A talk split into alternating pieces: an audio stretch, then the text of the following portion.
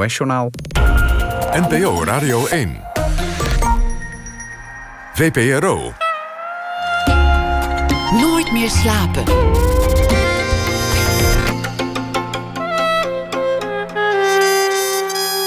Met Pieter van der Wielen. Goedenacht en welkom bij Nooit meer slapen. Mijn gast van komend is helemaal uit Gent naar Hilversum gekomen. Zijn trouwe chauffeur Robbie achter het stuur. Hij achterin de Lexus, zwijgend. Althans, zo stel ik me dat graag voor. Ik was er natuurlijk niet bij. Maar ze hebben de route vele malen eerder gereden. Want Herman Brusselmans schrijft meerdere boeken per jaar. Al eerder schreef hij twee literatuurgeschiedenissen. En nu is er de nieuwe geschiedenis van de moderne literatuur. En daarin behandelt hij de periode na 2008. Een willekeurig moment om te beginnen. Na het lezen van het boek vroeg ik me af of hij nu alle levende schrijvers in ons taalgebied beledigd heeft. Ik denk het wel. Maar als iemand heeft overgeslagen, dat zal je net zien, dat die schrijver dan daar weer door beledigd is. Niet genoemd worden is toch nog altijd erger dan beledigd worden. Het is niet alleen maar schofferen. Hij blaast ook soms een terechte loftrompet, bijvoorbeeld voor zijn landgenoot Ivo Victoria.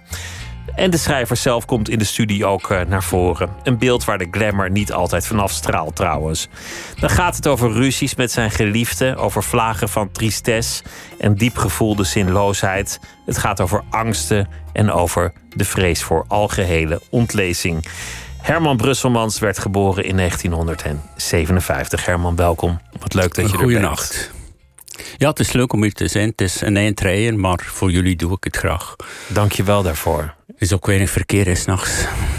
En heel Hilversum uh, ligt open. Er zijn Dat, omleidingen. dat, is, dat, dat is altijd zo. Dat is altijd zo. Dat is dus nooit anders geweest. Geen probleem, Pieter. Leuk dat je er bent. Heb, je, heb je nog een soort zenuwen voor zo'n boek zoals dit?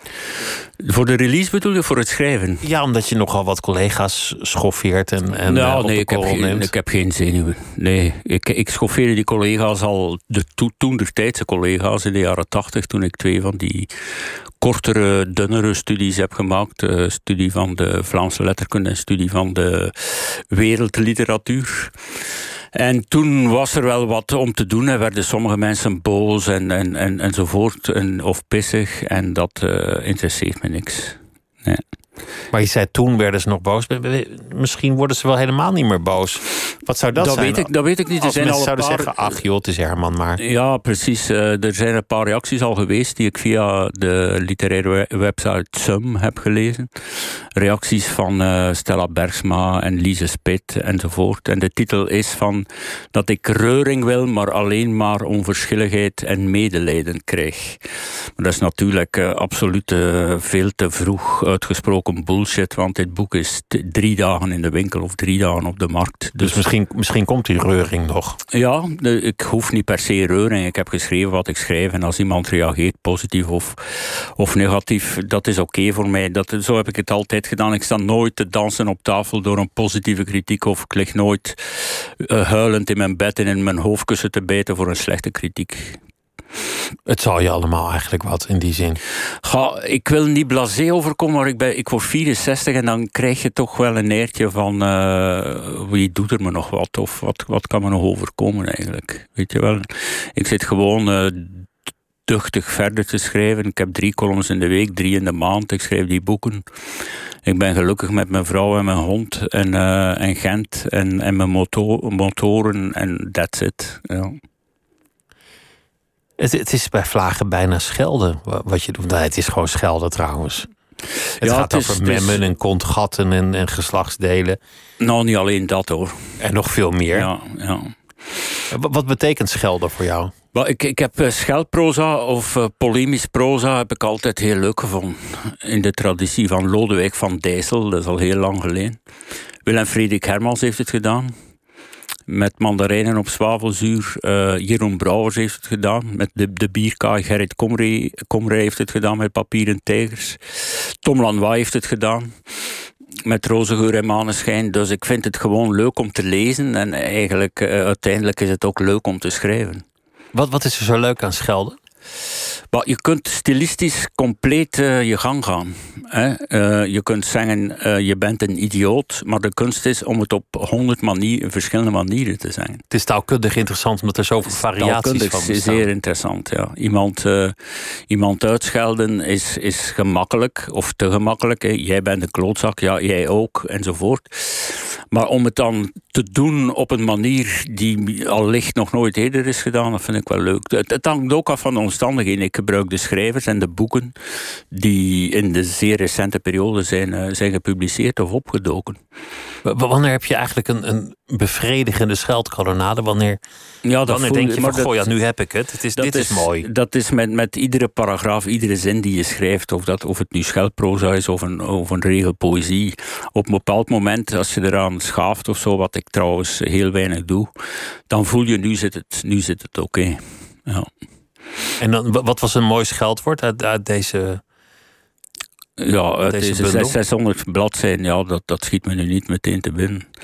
Maar het is ook de omstandigheden, het feit dat je bepaalde dingen onthult kunnen schelden. zijn dingen die eigenlijk geheim moeten worden gehouden en die jij weet en, en waarvan je hebt beloofd dat je ze nooit zult zeggen. Die gebruik ik dan wel in mijn scheldproza. Bijvoorbeeld dat Stella Bergsma een pruik draagt.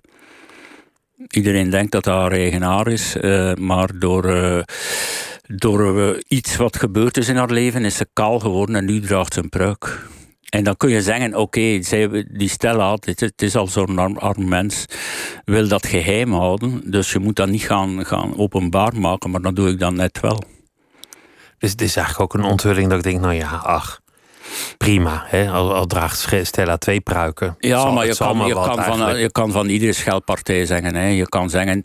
Uh, wat, wat een beetje de teneur ook is van. van nou, wat, wat, wat, wat doet het ons? En, en het kan ons niet schelen. En, en we hebben medelijden met die oude gast uit Gent. die alleen maar scheldt enzovoort. Dat is ook een vorm van schelden. Als iemand dat zegt. Ik heb alleen maar medelijden. Ja, maar dat is zeer flauw. Dat is veel, medelijden. Hoezo medelijden met mij? Waarom zou je met mij medelijden hebben? Ik schreef net een boek van, van, van 600 pagina's, waar veel mensen wat aan hebben. Want er zijn natuurlijk ook heel goede reacties. Niet van die schrijvers die in het boek worden behandeld, maar van lezers. En daarvoor doe ik het. Ik schreef die studie niet voor de literaire in-crowd. Ik schreef die voor zoveel mogelijk uh, lezers. Toch, toch, lees ik wel een zekere begaanheid met, met de literaire wereld. Ik krijg de indruk dat je al die boeken die je beschrijft en al die schrijvers die je noemt, gevolgd hebt, dat je die boeken gelezen hebt, dat je hun oeuvres kent. Natuurlijk, anders lukt het niet om zoiets te schrijven. Dan krijg je zeker geen 600 bladzijden vol. Ik ben, ik ben uh, zo goed als fulltime bezig met literatuur. Dat wil zeggen uh, schrijven, maar, maar nog meer nog lezen. Wat tot het vak behoort. Want je, want je hebt volgens mij geen boek beschreven dat je niet gelezen hebt. De meeste boeken, heb ik gelezen. Of alles in een stuk gelezen, of er iets over gelezen. Of ik ken de inhoud, ik ken de schrijver, ik ken de biografie van de schrijver. Ik zou kunnen zeggen, het is allemaal makkelijk. Je googelt gewoon iets en je weet waar, waar het over gaat. Maar als je echt uh, wil schrijven over boeken, moet je ze echt minstens één keer gelezen hebben. Ja. Want mijn, mijn uh, eerste hoofdstuk gaat over de grote tien. Hè. Uh, tien grote namen, elf eigenlijk, want ik was er eerst in vergeten, Gerrit Komrij. Dus over elf grote namen uit de literatuur uh, van het verleden, die heel veel schrijvers uit het uh, heden beïnvloed hebben. En ik heb van die elf schrijvers ongeveer alles gelezen. En daar zitten mensen bij mij een enorm oeuvre, zoals Van der Heijden en uh, Hermans en Reven en Mulisch en Duska Meising en Heren Heresma. Terwijl je schrijft dat je Van der Heijden eigenlijk maar, maar een slechte schrijver vindt. Ja, maar dat, dat, dat is een beetje jennen natuurlijk. Hè. Ik bedoel, dat, dat, dat, dat, dat, dat, is Je hebt dat schelden, hè, dat ik soms wel meen, omdat ik boos ben, omdat iemand een slecht boek heeft geschreven. En dan heb je een beetje jennen, weet je wel als iemand als Van der Rijden zegt, wat kan het mij schelen wat die Brusselman zegt, oké. Weet je wel, die man heeft een oeuvre van 80 boeken. En um, een oeuvre waar ik ook bewondering voor heb. Hoewel hij ook, ook zwakke boeken heeft geschreven, maar geldt voor iedereen die, die 80 boeken schrijft. Maar de, de begaanheid met de literatuur, wat, wat is dat eigenlijk? Is, is dat dat je je zorgen maakt over, over hoe het ervoor staat met de letteren? Vind je dat het onderpresteert? Of heb je er meer van verwacht? Wat, wat, welke emoties ja, zit is, De discussie is de literatuur dood. Hè? Een discussie die men ook al, een vrouw die men ook al stelde in de jaren zestig. Altijd zijn er veel te veel boeken gepubliceerd waar veel te veel slechte boeken bij zaten. En, en, een paar schrijvers werden bekend en verkochten veel en honderdduizend andere schrijvers niet. Maar in deze tijden zie je toch, uh, is er toch wel sprake van ontlezing. Dat wil zeggen dat er minder wordt gelezen en dat er meer en meer uh, sprake is van een bestsellercultuur. Dus één of twee boeken verkopen heel veel en de rest eigenlijk niet zo heel ja, veel. Kijk, als je een top 60 ziet, hier in Nederland is er de CPMB top 60, dat is de verkoop. De cijfers van de verkoop, uh, daar stonden vorige week, want de nieuwe komt morgen of overmorgen, er stonden twee literaire boeken in twee van de zestig literaire Nederlandstalige boeken. La Legule en, de, en Het Hoge Nest, denk ik, van Roxane van Iberen. En, uh, en dan nog een boek, De Heks van... Uh, ik ben de titel even kwijt. Uh, dus twee of drie per week uh, staan er Nederlandstalige romans in, of, of, of fictie. En de rest is allemaal non-fictie? De rest is allemaal non-fictie. Je hebt natuurlijk uh, het fenomeen Lucinda Riley, die met tien boeken of acht boeken in de top 60 staat, die op een bepaald moment 25% van alle verkoopcijfers in handen had. 25% inschreef. Dat wil zeggen dat van de zeven zussen, die, die zeven acht boeken, zijn miljoenen exemplaren verkocht. En enerzijds is het nodig dat er bestsellers zijn. Want een goede uitgever gebruikt zijn geld dat hij verdient met die bestsellers ten dele om te investeren in gedichten of non-fictie of uh, moeilijke leesbare romans voor een klein publiek enzovoort. Maar goed, het is ook een feit uh, dat jongeren minder lezen. Daar zijn cijfers over. En ze vinden vaak een boek iets dat uh, uit de kast van hun ouders komt. Ik heb jongere lezers en bijna allemaal zeggen die ja, we zaten eens in de boekenkast van mijn vader te kijken en daar namen we toevallig een boek van jou uit. We zijn dat gaan lezen en we vonden dat leuk.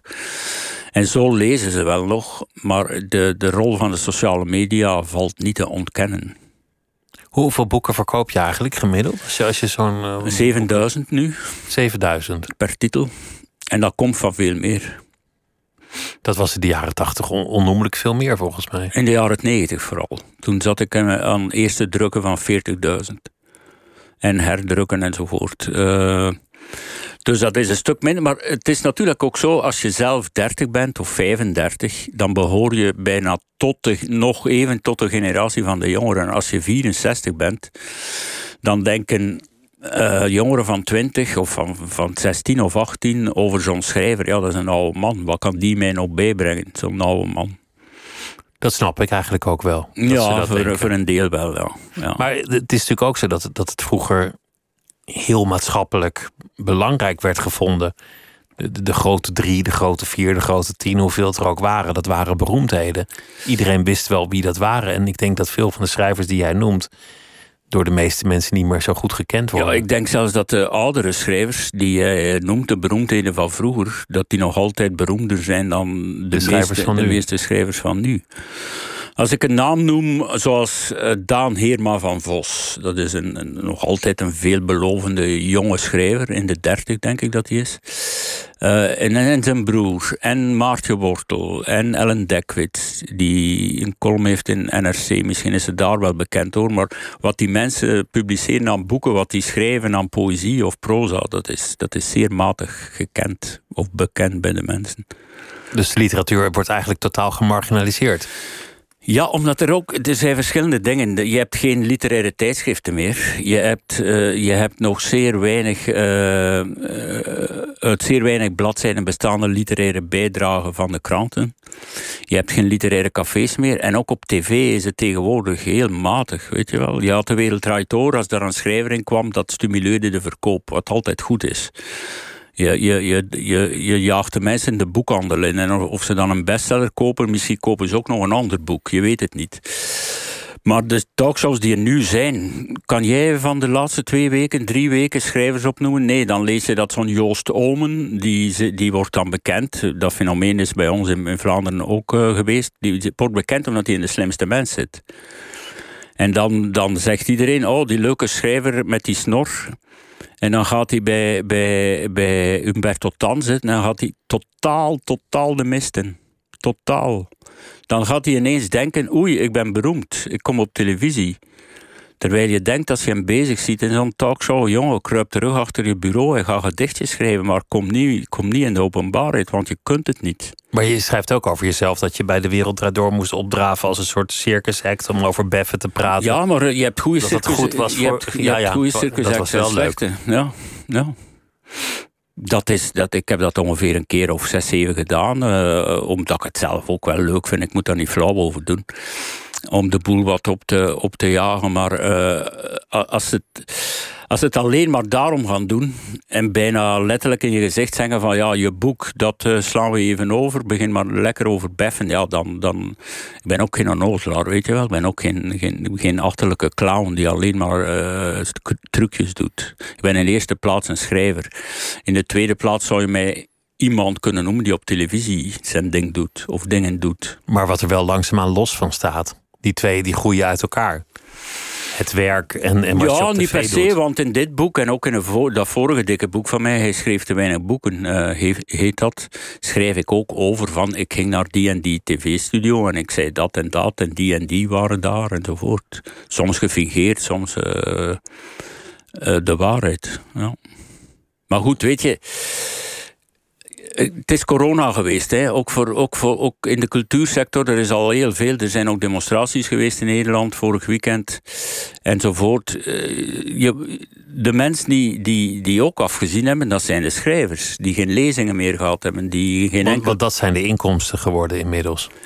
Dat is minstens bij de meeste mensen is dat, brengt dat meer op dan uh, de verkoop van, van, van hun boeken. En als je dan twee jaar met bijna geen reserve, niks van lezingen hebt, ja, dan ga je wel eens naar een, als je gevraagd wordt naar een tv-show. Je, je moet al die schrijvers persoonlijk kennen. Je beschrijft veel ontmoetingen. De paar waarvan ik wel eens had horen zeggen, die, die hebben inderdaad plaatsgevonden. Dus volgens mij heb je vrij weinig verzonnen. Althans, je hebt er veel bij verzonnen. Maar heb je al die schrijvers wel een keer meegemaakt bij een lezing? Maar of al die oude schrijvers festival? ook hoor. Ik heb Hermans ontmoet, ik heb Van der Rijden ontmoet, Mulisch ontmoet. Dat zijn zeer, zeer vluchtige ontmoetingen geweest. Van dag meneer Mulisch met, met eerbied, dag meneer Klaus tegen Hugo Klaus enzovoort. Dag meneer Van der Rijden. En in de latere, van de latere generaties heb ik ook praktisch iedereen ontmoet. Of heel veel mensen. Iedereen is onmogelijk, maar heel veel mensen. Ja, en daar, daar, daar krijg je dan een indruk van. En vaak zijn dat gewoon leuke ontmoetingen of heel vluchtig. Als je samen in een literair festival staat, de ene doet zijn ding op het podium en gaat dan naar huis enzovoort. Ik blijf nooit meer hangen na, na zo'n uh, zo'n uh, avond, omdat ik uh, totaal niet meer drink en omdat mijn chauffeur Robbie ook op tijd thuis moet zijn. en, maar de meeste van die mensen heb ik wel ontmoet. En dan schrijf je nu over, over dikke memmen en, en, en vingeren en god weet wat. En dan sta je binnenkort, als het misschien ooit weer begint, weer in de rij voor ja, een lezing. Ja, kan die mensen gerust in hun gezicht krijgen. Als ze me een klap willen geven, doe maar. Weet je wel. Ik ben een geoefend straatvechter, dus dat uh, moeten ze ook maar niet proberen. Ja. Zal ook wel meevallen. Een, een bokser zei ooit tegen mij dat, dat een klap in de ring geen pijn doet, omdat het gewoon werk is. Die zei, er zit geen emotie achter. Kijk, als je een klap krijgt, doet het pijn... omdat er ook een soort emotionele lading is. Ja, ja. En welke bokser was dat? Lucia Rijker Ah ja, dat. goede bokser. Fantastische bokser. Ja, heel goed. Maar die zei, het is gewoon werk. Je krijgt een klap en doet geen pijn. Want ja, er zit niks het hoort achter. Er, het hoort erbij. Ja. En dat is misschien voor literatuur ook wel zo. Dat als iemand je uitscheldt of schoffeert, ja, het, is, het is, ja, ja. er zit geen lading achter. Absoluut. Kijk, uh, Reven heeft heel veel uh, slechte dingen kunnen zeggen. Of heel veel scheldproza gewijd aan Hermans en omgekeerd. Als je dat las, zou je denken, die slaan elkaar de kop in als ze elkaar tegenkomen. Maar op zich waren, konden die nog door één deur. En ik uh, ben er gerust in dat ik met de meeste schrijvers uit dit boek uh, nog door één deur kan, wat mij betreft, alleszins. Wanneer, wanneer ben je begonnen met schelden? Op welk moment in je leven? Op mijn vijfde of mijn zesde. Zo jong al? Ja, er is het verhaal dat ik aan de poort van de... Mijn vader had een erf, hij was veehandelaar had een erf dat ik aan de poort van het erf stond. Iedereen stond uit te schelden. Met de woorden die ik toen kende: smeerlap, klootzak. En dat ik echt zo heel, heel, heel boos was dat het schuim me van tussen de lippen liep. Dat vertelde mijn moeder me, me altijd. Of, of uh, zelf weet ik het niet meer, maar het zou wel goed kunnen. Ja. ja. En waar, waar had je dat vandaan? Nou, het, dat komt uit mijn jeugd. Het, eh, de veehandelaars zijn onder elkaar en tussen mens en dieren wordt er veel, heel veel gescholden. Ja. Zonder dat het altijd gevolgen moet hebben. Werd jij ook al uitgescholden toen je zo jong was? Ja, absoluut. Mijn vader zei, zei meer uh, klootzak tegen mij, of smeerlap, of, of kutgast dan, dan Herman, absoluut. En dan was je vier? Vier? Nee, dat vond ik niet, niet, niet zo leuk. Maar ik, vond, ik heb het ook nooit zo erg gevonden dat ik er een complex aan overgehouden heb. Een mens moet tegen veel meer tegen kunnen dan, uh, dan doorgaans gebeurt. Ja. Mensen zijn inderdaad wel erg kwetsbaar geworden. Ja, absoluut. In onze, in onze westerse democratische maatschappij. Daar gaat het om. Dat die westerse maatschappij tot met, bezig is met dingen waarvan je denkt: jongens, kijk even naar, naar andere delen in de wereld. En hou op met die onzin, weet je wel. Als je, als je op televisie discussies hebt over het uitreiken van gouden kalveren aan mannen of vrouwen, dan weet je dat je maatschappij redelijk, op redelijk wakke benen aan het lopen is. Dat het allemaal. Uh, eerst, een item over Afghanistan, dat wel, weet je wel, tien minuten. En dan tien minuten over een of ander woke-onderwerp. Waar men zich de kop over breekt en waarvan ik denk, jongens, toch heb je, heb je echt anders, kun je echt an, niks beters verzinnen dan hierover te zitten zeiken met zogenaamde specialisten die van niks weten, weet je wel. Ik denk dat in deze tijd waarin iedereen gecanceld wordt, jij nog vrij uitgaat om wat we net bespraken. Dat mensen denken, ach, het is Herman maar. Maar ik zie je ook een beetje als een vooruitgeschoven post. Zolang iedereen achter jou aangaat, komen ze niet achter de rest aan. Ja, ja het zou kunnen. Uh, ik zeg het dan, medelijden. waarom moeten ze medelijden hebben of onverschilligheid? Ja, oké, iemand kan iets lezen over zichzelf in dat boek. En dan zeggen, wat kan het mij schelen? Zoals ik ook denk als er over mij iets geschreven wordt. Maar al die mensen in dit boek, behalve degenen die dood zijn natuurlijk, die, die, kunnen, die kunnen mij terugpakken. Pak mij gewoon terug en dan gaan we lekker schelden uh, een paar, uh, paar weken aan een stuk. En dat lucht dan op? Of het wordt, wordt vermakelijk? Nee, dat is een vak. Dat behoort tot het vak. Polemiek behoort tot het vak van, eh, van schrijver. schrijver. Ben je wel eens beledigd? Tuurlijk. Heel erg. Ik word continu beledigd. Er is één kritiek verschenen over dit boek en het is al een, zwaar negatieve kritiek. Dat was in de morgen. In de morgen, ja. krant die jij ook elke bladzij in dit boek onder Door de modder haalt, ja. ja. Onder andere de recensent die die recensie heeft geschreven ook. Dus wat nou ja, voilà. Maar dat is eigenlijk al, al een bewijs dat het werkt, wat ik doe. Dat hij zich laat beledigen. De recensent van de morgen, die allebei worden, worden belachelijk gemaakt in dit boek die gaan dan een negatieve kritiek schrijven. Die laat zich eigenlijk tarten. Ja, die zou en, professioneler en die, moeten zijn. En dat vind ik pas gemakkelijk om dan te gaan zeggen in een recensie van drie kolommetjes. heeft het alleen maar over slappe tieten en dikke tieten en kleine tieten enzovoort. Dat is totaal, maar dan ook totaal niet waar. Want dit boek, je hebt het gelezen, zeg of het waar is of niet, is een deel ook een liefdesroman is een deel ook een roman over het coronavirus. Die ik, uh, ik heb het virus geen enkele keer onder die naam vermeld. Ik heb het woord corona komt er geen enkele keer in voor. Nee, die had ik er even niet uitgehaald. Die de dreiging van de spoken. De spoken op straat. De mensen die niet graag oh, meer op straat komen. De, trouwens letterlijk ook cafés die gesloten zijn. Mensen die niet meer in winkels durven enzovoort. Ik noem nergens het coronavirus, maar daar gaat zo'n boek ook over. Maar natuurlijk gaat zo'n recensent die in één regeltje gepakt is in dit boek, die gaat niet positief schrijven over dit boek. Absoluut niet. Wat een beetje flauw van hem is. Ik krijg het beeld van jou van, van ook een man met, met kwetsbaarheid. Een man die soms denkt, ben ik nog wel relevant? Eigenlijk een man die zich misschien ook wel eens verveelt. Verveeld? Ja, nee. Als je zoveel schrijft en zoveel leest en, en, en zo intens met je relatie bezig bent en zo vaak met je hond gaat wandelen en met de motor gaat rijden, dan verveel je je niet. Nee. Maar je kan toch ook heel druk zijn en je nog steeds vervelen? Nee, nee. Dat in, doe in de zin, Dat in de zin dat je, de, dat je de zin er niet meer van inziet. Dat, dat de zinloosheid je om de oren slaat. Ja, maar ja, weet je, iedereen komt wel eens om de zoveel dagen tot de conclusie: het leven is zinloos. Wat ik nu doe is zinloos. Het is zinloos om vijf uur in de auto te zitten naar Hilversum voor een gesprek.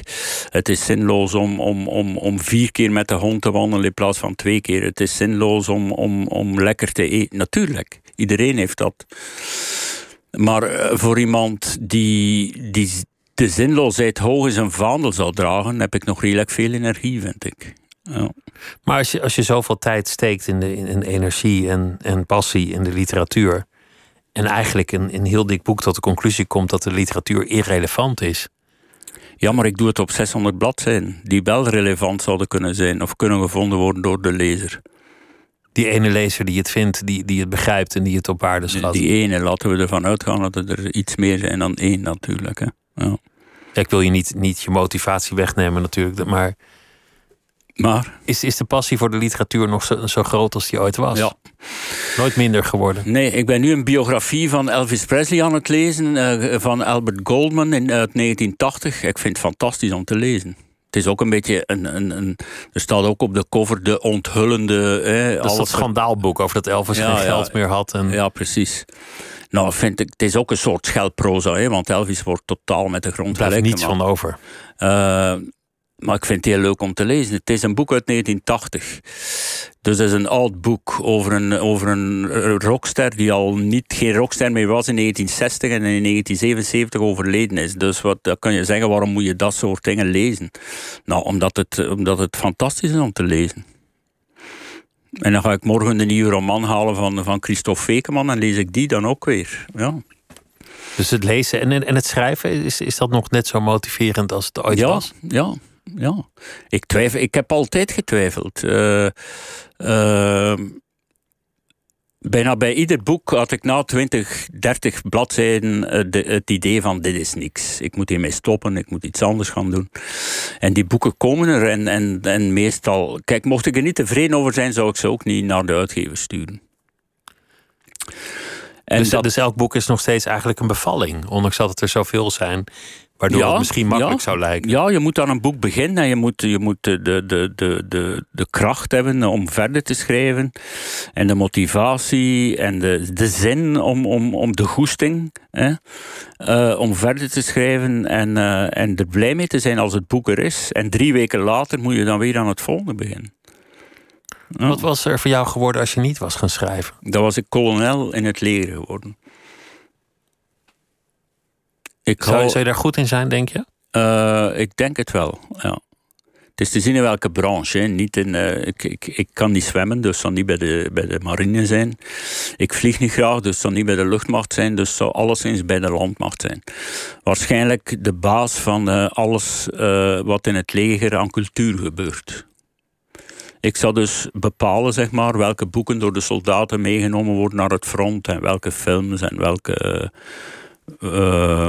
dvd's enzovoort. Daar zou ook wel heel goed in zijn. De cultuur een, een, een, kopstoot geven eh, in het leger, zeg maar. Dat de soldaten op den duur allemaal ongelooflijk graag boeken lezen en naar goede films kijken van Woody Allen en Tarantino en de gebroeders Coen enzovoort, in plaats van uh, te zitten rukken bij een of ander blotbladje. Echt goede romans. Ik zat Dostoevsky introduceren bij de 16e artillerie van Leopoldsburg in België, die nu bezig zijn met het evacueren van mensen uh, uit Afghanistan.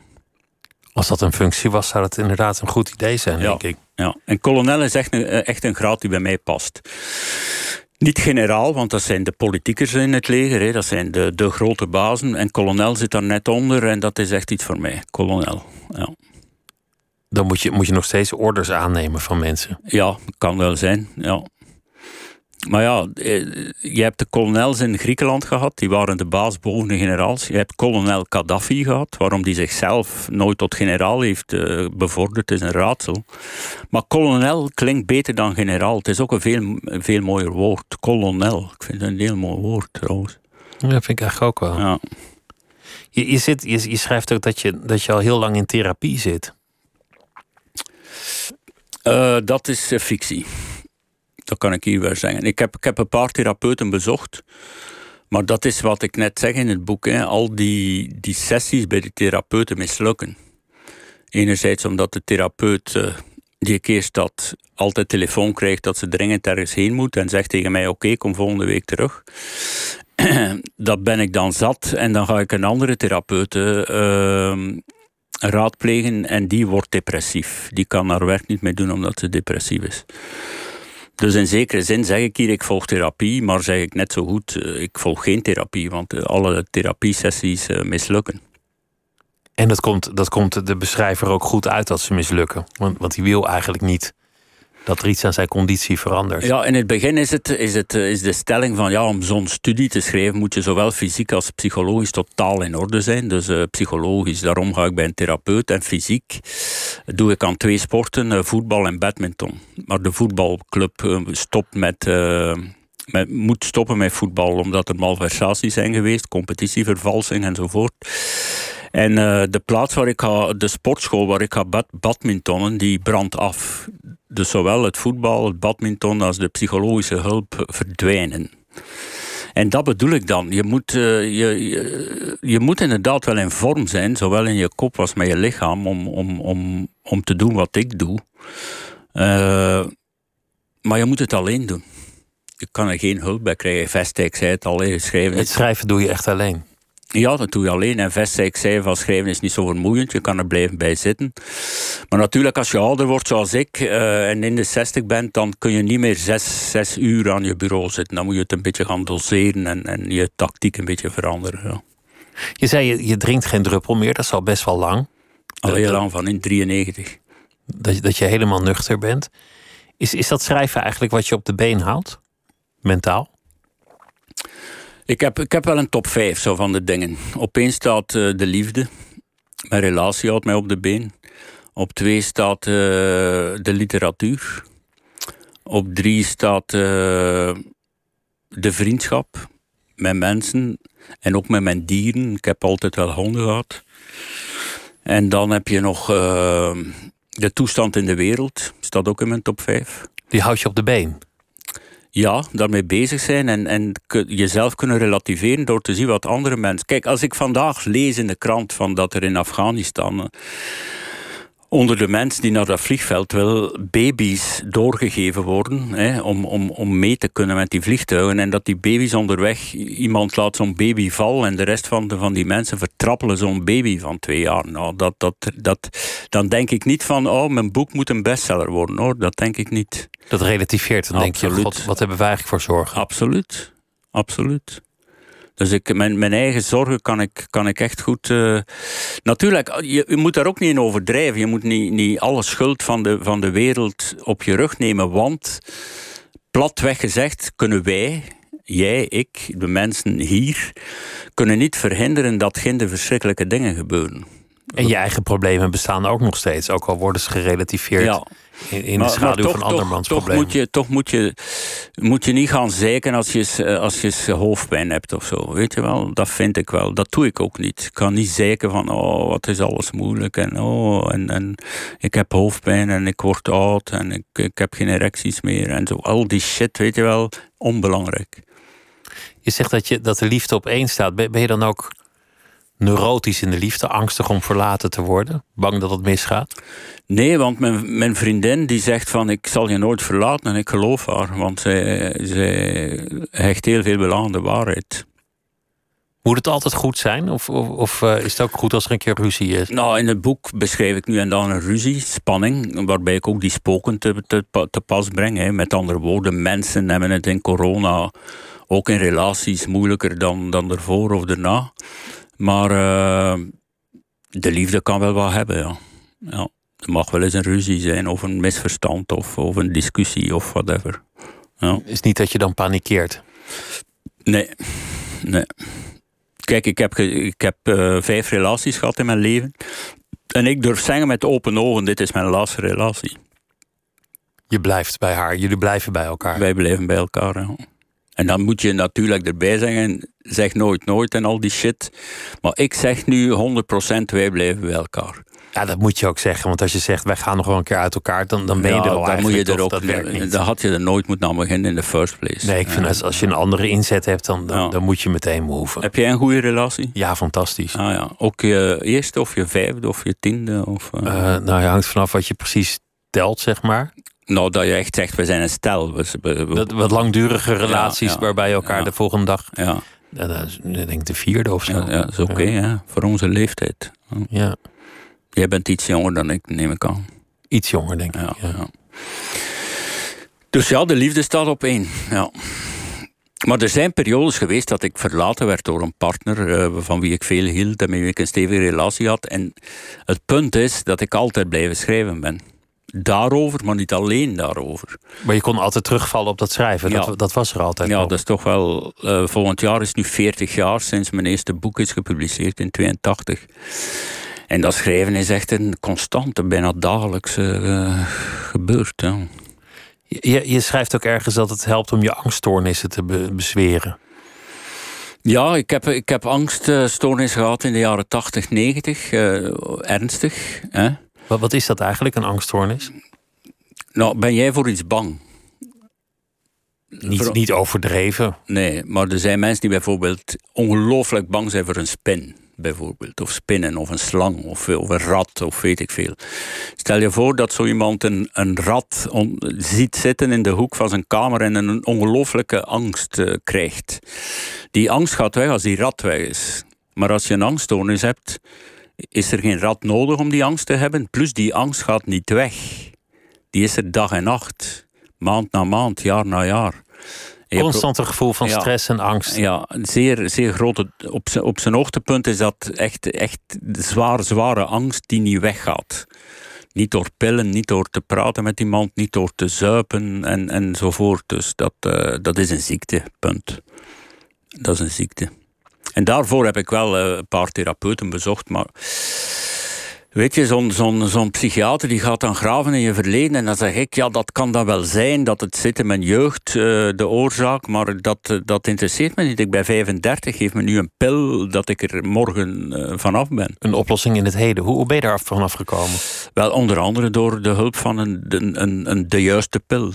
Want niet iedere pil is voor iedere patiënt hetzelfde. En slik je nog steeds pillen? Ja, ja ik, slik dagelijks twee van die pillen, ja.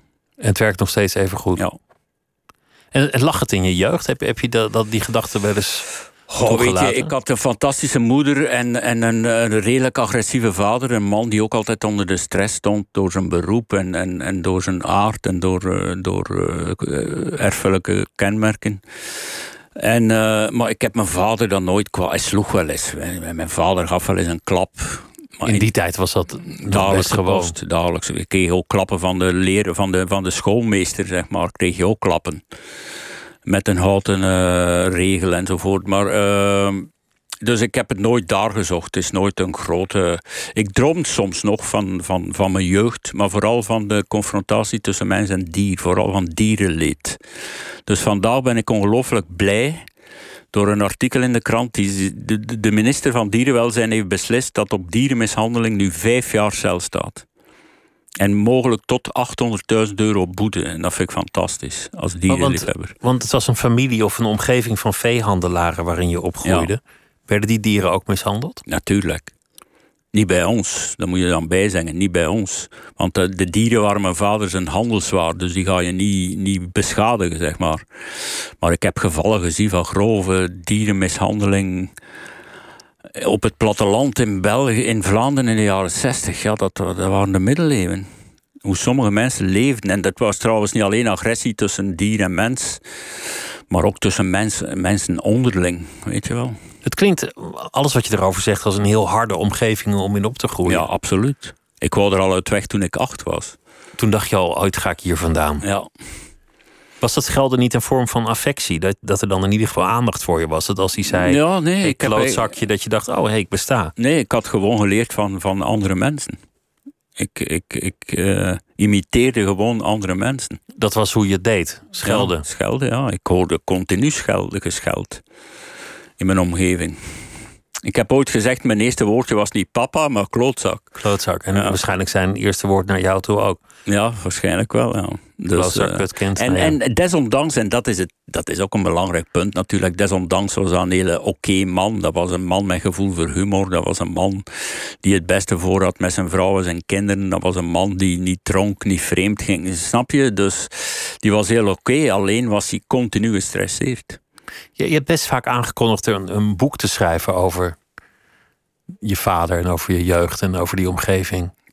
En het wordt, Daar ben ik nu mee bezig, ja. Gaat er echt komen nu? Ja, dat heet T77. T-H-E-E-T 77 was een thuisadres. Het adres van, van ons erf. En uh, daar ben ik nu mee bezig. Ik heb al gesukkeld met de vorm omdat ik, ja, kijk, een familiegeschiedenis, er zijn er heel veel geschreven, uh, waaronder fantastische boeken. Uh, waar moet je beginnen? Bij de overgrootouders of kan je beginnen bij de grootouders? En moet dat allemaal kloppen? Moet je zeggen, mijn ene grootmoeder werd geboren om half vier, de 17e mei 1902 enzovoort. Moet dat allemaal kloppen of kan je er wat rond fantaseren. En eerst dacht ik, het moet allemaal kloppen, maar dat werkt niet bij mij. Ik moet kunnen fantaseren, ik moet kunnen bullshitten. Dus heb ik het roer omgegooid en nu ben ik ook uh, redelijk goed bezig met, die, met dat boek, wat waarschijnlijk ook wel een dik boek zal worden. Ja. Wordt het een boek in een andere stijl? Nee. Het, het, het blijft gewoon ja. in, het, in het humoristische, ja, ja. absurde genre. Want er was iemand die vroeg aan mij van... wordt dat dan uh, je P.S. Duivre, hè? Je, je grote, uh, fantastische boek? Maar dan denk ik van... Ik heb net dit boek uit Geschiedenis van de moderne letterkunde. Waarom is dit niet mijn grote, fantastische boek? Waarom, Mensen kunnen dat niet aan als het, als het komisch is. Dan zien ze het als een lichter genre. Ja, ja dat is met films ook. Ja, en met, met, uh, met alles zo. Met heel veel dingen. Ja. Uh, terwijl ik net het komische in kunst, in, in, in alles wat kunst is, uh, apprecieer. Ik wil, ik wil dat het komisch is. En er zijn enorm. Neem stand-up comedy, ik vind fantastisch. Ondanks het feit dat er misschien maar drie goede stand-up comedians zijn in Nederland en al de rest is bagger. Al de rest is niet grappig. Maar daar zit je wel met een genie als Hans Steven. Als die bestaat, mogen al die, hoeven al die rest, hoeft die rest niet grappig te zijn. Dan kijk ik wel honderd keer naar YouTube naar Hans Steven. Dus dat. Of iemand echt komisch talent heeft, je weet het meteen bij één grap. Hans Steven heeft komisch talent, Gerard Treef heeft komisch talent, Bob de Nuil heeft komisch talent. Noem maar op. Enfin, noem maar op. Het is niet een hele rij hoor, want komisch talent is echt wel een gave of een talent die dat heel weinig mensen hebben. Op het vertellen van een mop na, weet je wel, op het onnozel doen na, uh, te, dronken tijdens een bruiloft enzovoort. Of slechte stand-up comedy brengen. Maar kennelijk is in literatuur toch zo dat ze denken van wanneer gaat die Brusselman eens een keer een serieus boek schrijven waarin die wel, ik heb, kwetsbaarheid laat ik heb, zien. Ik heb, mijn, ik heb me, ten eerste, ik heb mijn tijd geërgerd aan die vraag. Nu trek ik er maar geen fuck meer van aan. En ten tweede, wanneer zijn, kwets, uh, zijn kwetsbaarheid is laten zien, vind ik eigenlijk uh, alle respect een soort van belediging. Omdat in alle tachtig boeken die ik heb gepubliceerd zit die kwetsbaarheid in. Maar schrijf negen, negen zinnen over je kwetsbaarheid en één, waar het, één waarin het woord beffen in, uh, in voorkomt en je wordt direct de man van het beffen genoemd. Tuurlijk ben ik al kotsbeu sinds, sinds de jaren negentig. Maar goed, ik trek er me geen fuck meer van aan, zoals ik zeg. Ja, maar als je dat beffen kotsbeu bent, dan heb je er ook wel alles aan gedaan om het in, in stand te houden. Ja, waarom zou ik het niet in stand houden? Het is wat ik wil doen. Wat denk je nu, dat ik ga stoppen over beffen omdat iedereen zegt hij schrijft te veel over beffen? Nou, in tegendeel dan. Maar jong, de, de, de, ook... Weet je wat het is met die schrijvers en daarom beledig, ze, beledig ik ze ook wel graag. Ze zijn allemaal zo serieus en zo humorloos. En het zijn echt zo, een, hoop sukkels gewoon weg. Uh, zuurpruimen. Nemen de literatuur zo ernstig, maar en ze denken dat ze de literatuur een dienst bewijzen door een ernst over te brengen uh, in hun boeken. Dat kan dan wel fantastisch zijn, soms één op de duizend keer, maar voor de rest is het gewoon hele slechte literatuur. Vind je literatuur meestal slecht inmiddels? Ja, je, je, leest alles. Inmiddels, inmiddels. Ik lees al van mijn 18, 18e vijf boeken per week. Is het minder geworden?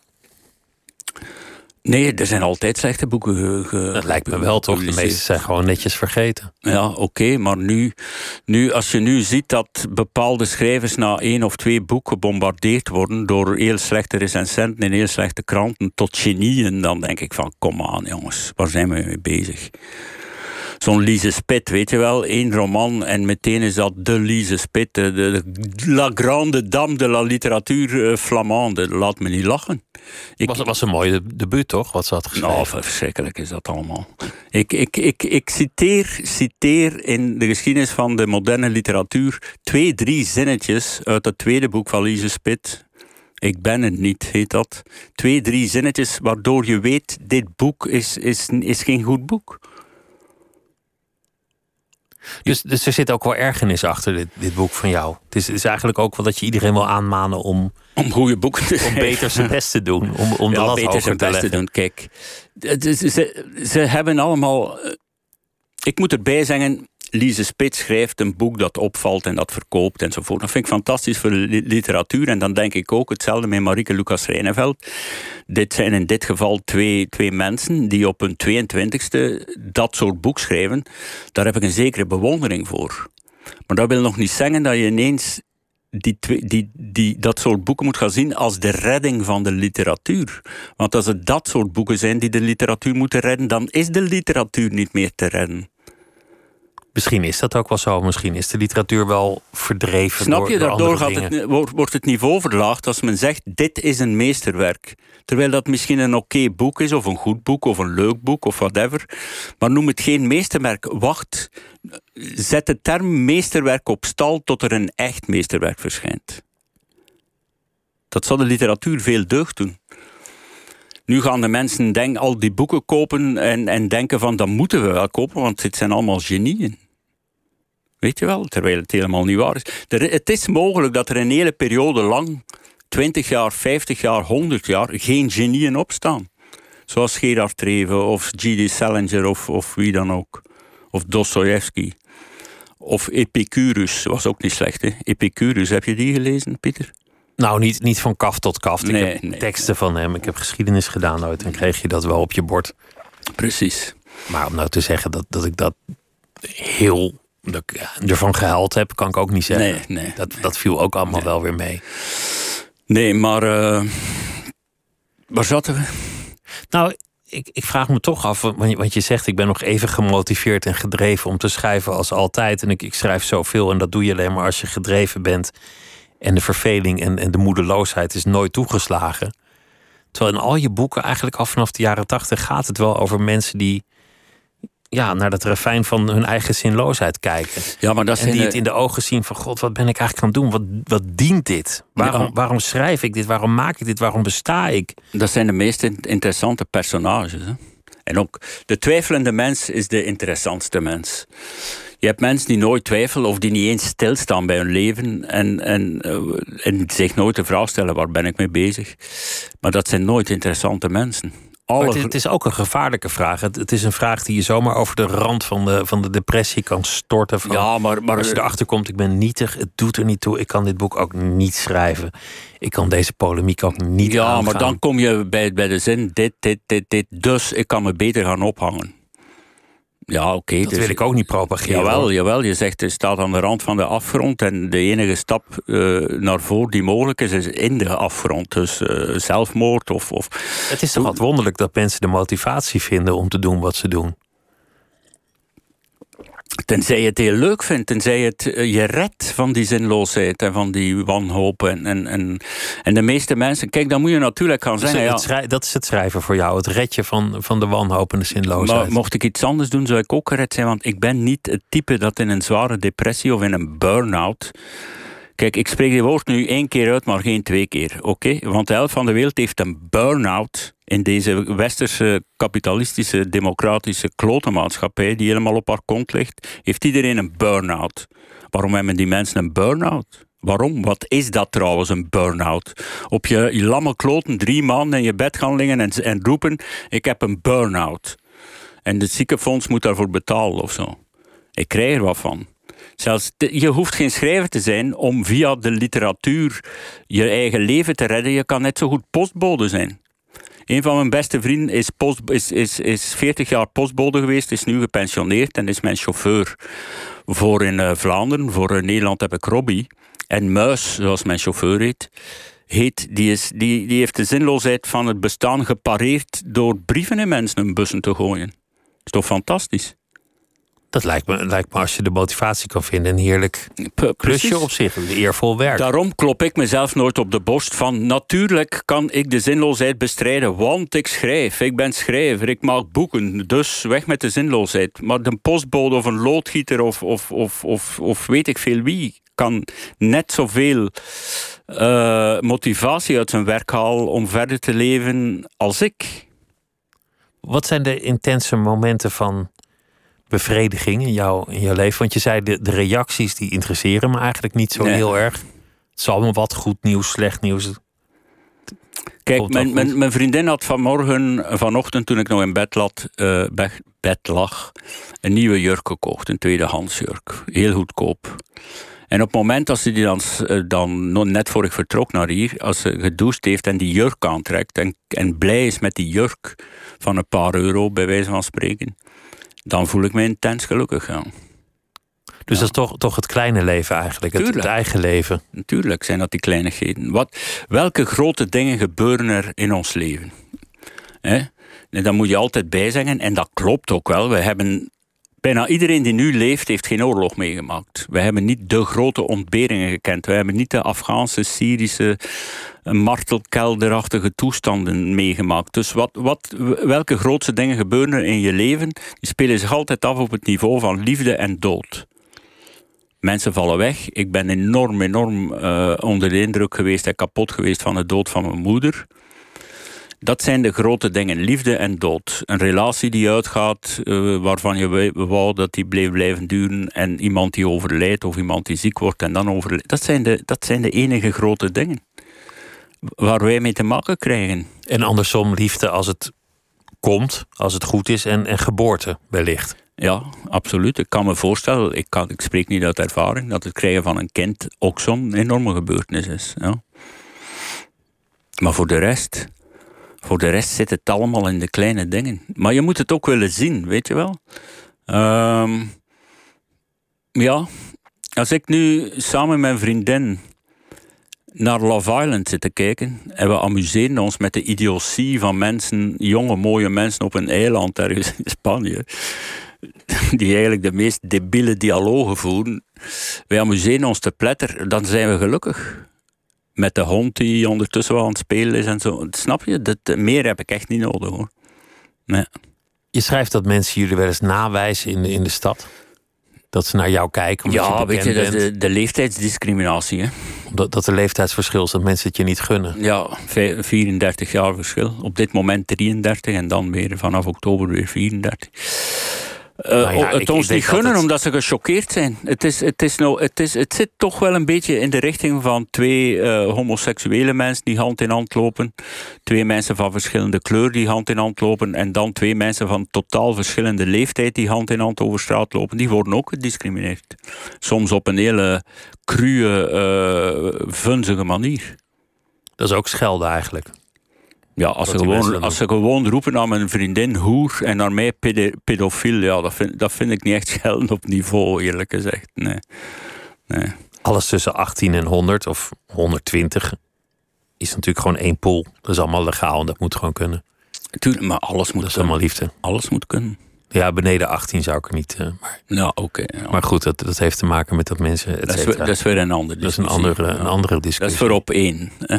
Ja, Als we samen eens in op één zitten, gaan we daarover discussiëren, Pieter. dan moeten we eerst virologie studeren. Ja, dat is, dat is wel waar. Of eh, René Vroger zijn. Ja. Maar je, je schetst ook wel, wel een beeld van een samenleving die, ja, die, die misschien een beetje op zijn achterste ligt, die weinig gewend is, die niet meer weerbaar is en die een beetje zeurderig is geworden, kleinzerig ook is geworden. Misschien is dat ook de reden waarom er dan minder goede literatuur uit voortkomt, als dat waar is. Dat zou kunnen. Kijk, dat je- gro- je- grote gebeurtenissen die brengen ook grote literatuur voort. als het goed geschreven is, er zijn heel slechte oorlogsboeken geschreven. Weet je wel, ik, ik krijg manuscripten in mijn bus van mensen die dan wel van alles zo gezegd hebben meegemaakt. Verkracht door hun vader en, en in de gevangenis gezeten en zwaar aan de drugs geweest. En dat daar hebben ze dan een manuscript van gemaakt. En ze denken, ik, ik heb veel beleefd, ik schrijf dat op, dus dit wordt een boek. En dan lees je dan en dan, dan zeg je van... oké, je hebt misschien wel wat meegemaakt... maar het is ongelooflijk slechte literatuur. Terwijl er ongelooflijk goede literatuur is over praktisch niks. Met de avonden als groot voorbeeld. Hè. Waarin echt helemaal niets gebeurt. Ja, Toch een prachtig boek. ja, tuurlijk.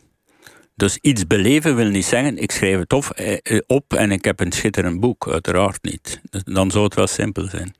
Ja. Is er nog één boek dat je, dat je hoopt te schrijven?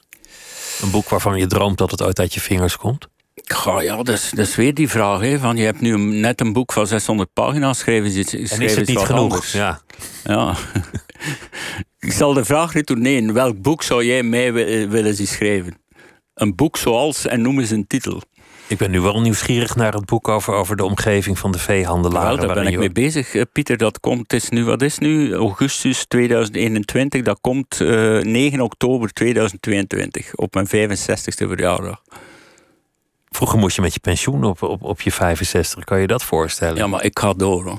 Ja, Tot je laatste snik. Ik denk het wel. Ja. Nou. Je, je lezers zijn jong, zei je net. Dat vind ik ook, vind ik ook wel interessant. Wat, wat zei ik net? Dat je, dat je jonge lezers hebt. Er zijn erbij, ja, vroeger. Maar kijk, als ik vroeger een lezing uh, deed, en vroeger, dan, dan spreek ik van 20, 30 jaar terug. Dan was een groot deel van het publiek uh, was jong.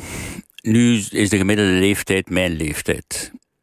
Nou, ten eerste, de leeftijd van mensen die naar om het even welke lezing uh, gaan, is redelijk hoog.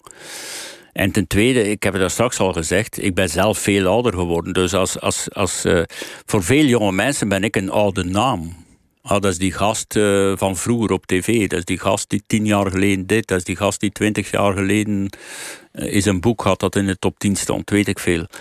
Dus voor hen ben ik een oude man. Of een oude performer. Of een oude schrijver. Of wat dan ook. Dus het is eigenlijk voor een stuk logisch dat uh, de zalen bij lezingen niet vol zitten met, met 18-jarigen. Uh, maar anderzijds probeer ik toch ook met mijn, mijn literatuur jonge mensen uh, aan te spreken. Het past, vind... ook, past ook bij jonge mensen om, om, om te schoppen en om. om ja, maar niet alleen met dit gaan. boek hoor. Niet al mijn boeken zijn schopboeken natuurlijk. Maar zelfs dit boek dat uh, heel dik is. Hè, want vaak zie je mensen al, of jonge uh, leerlingen op scholen die moeten lezen, die, die zitten al te zuchten bij een boek van 180 pagina's. Dit zijn er 608. Toch zeg ik van jongens, dat, dat, zou, dat zou wel lukken om dat te lezen. Jongens en meisjes natuurlijk. Hè. Het, het helpt altijd als het niet een boek is waar je leraar Nederlands mee wegloopt dat helpt wel om, om, om, om een te stimuleren. Dat stimuleert wel als ze zeggen van je dit mag boek dit beter boek niet niet. lezen. Maar ik weet niet of dat nog gebeurt. Ik ben niet, niet echt meer op de hoogte van, het, van hoe het onderwijs in elkaar zit. In mijn tijd gebeurde dat nog. Ja, Dan zeiden ze: ja. dit mag je niet lezen, dat nou, dat, dat, dat hielp wel. Ik heb de laatste jaren nog wel eens gehoord dat de boeken van mij niet mochten gelezen worden, meestal uh, op, kat, uh, op katholieke in katholieke school. Dus het gebeurt misschien nog, maar ik, ik weet het niet echt. Nee. Dan rennen die kinderen naar de bibliotheek na de klas. Ja, maar dat spreken dat over de tijden van ik Jan Kremer en Turks fruit enzovoort. Hè. En, en, en, uh, maar dat, dat gebeurt minder en minder, toch, denk ik hoor. Ja. Vaak zijn leraren Nederlands ook jonge mensen die ook graag uh, de boeken van tegenwoordig lezen. Ja. Ik wens je een goede reis terug naar Gent. Het was een genoeg om je weer uh, op bezoek te hebben. Veel succes met het volgende ja, boek. Pieter, en uh, volgende keer uh, kom ik weer. Hè. Gezellig. Ja. Leuk. Ja, je doet het heel goed. Je bent een top-interviewer. Dank je wel. je bent een uh, belangrijk schrijver, Herman Brusselmans. Dank je wel. Het was weer een uh, genoegen. Dit was Nooit meer slapen voor deze nacht. En morgen, dan zijn we er weer. Goeienacht. Tot morgen.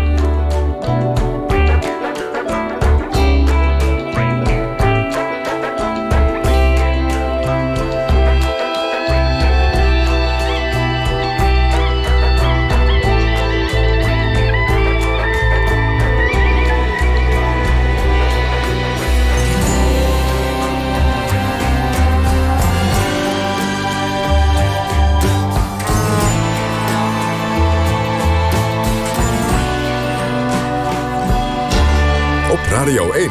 Het nieuws van alle kanten.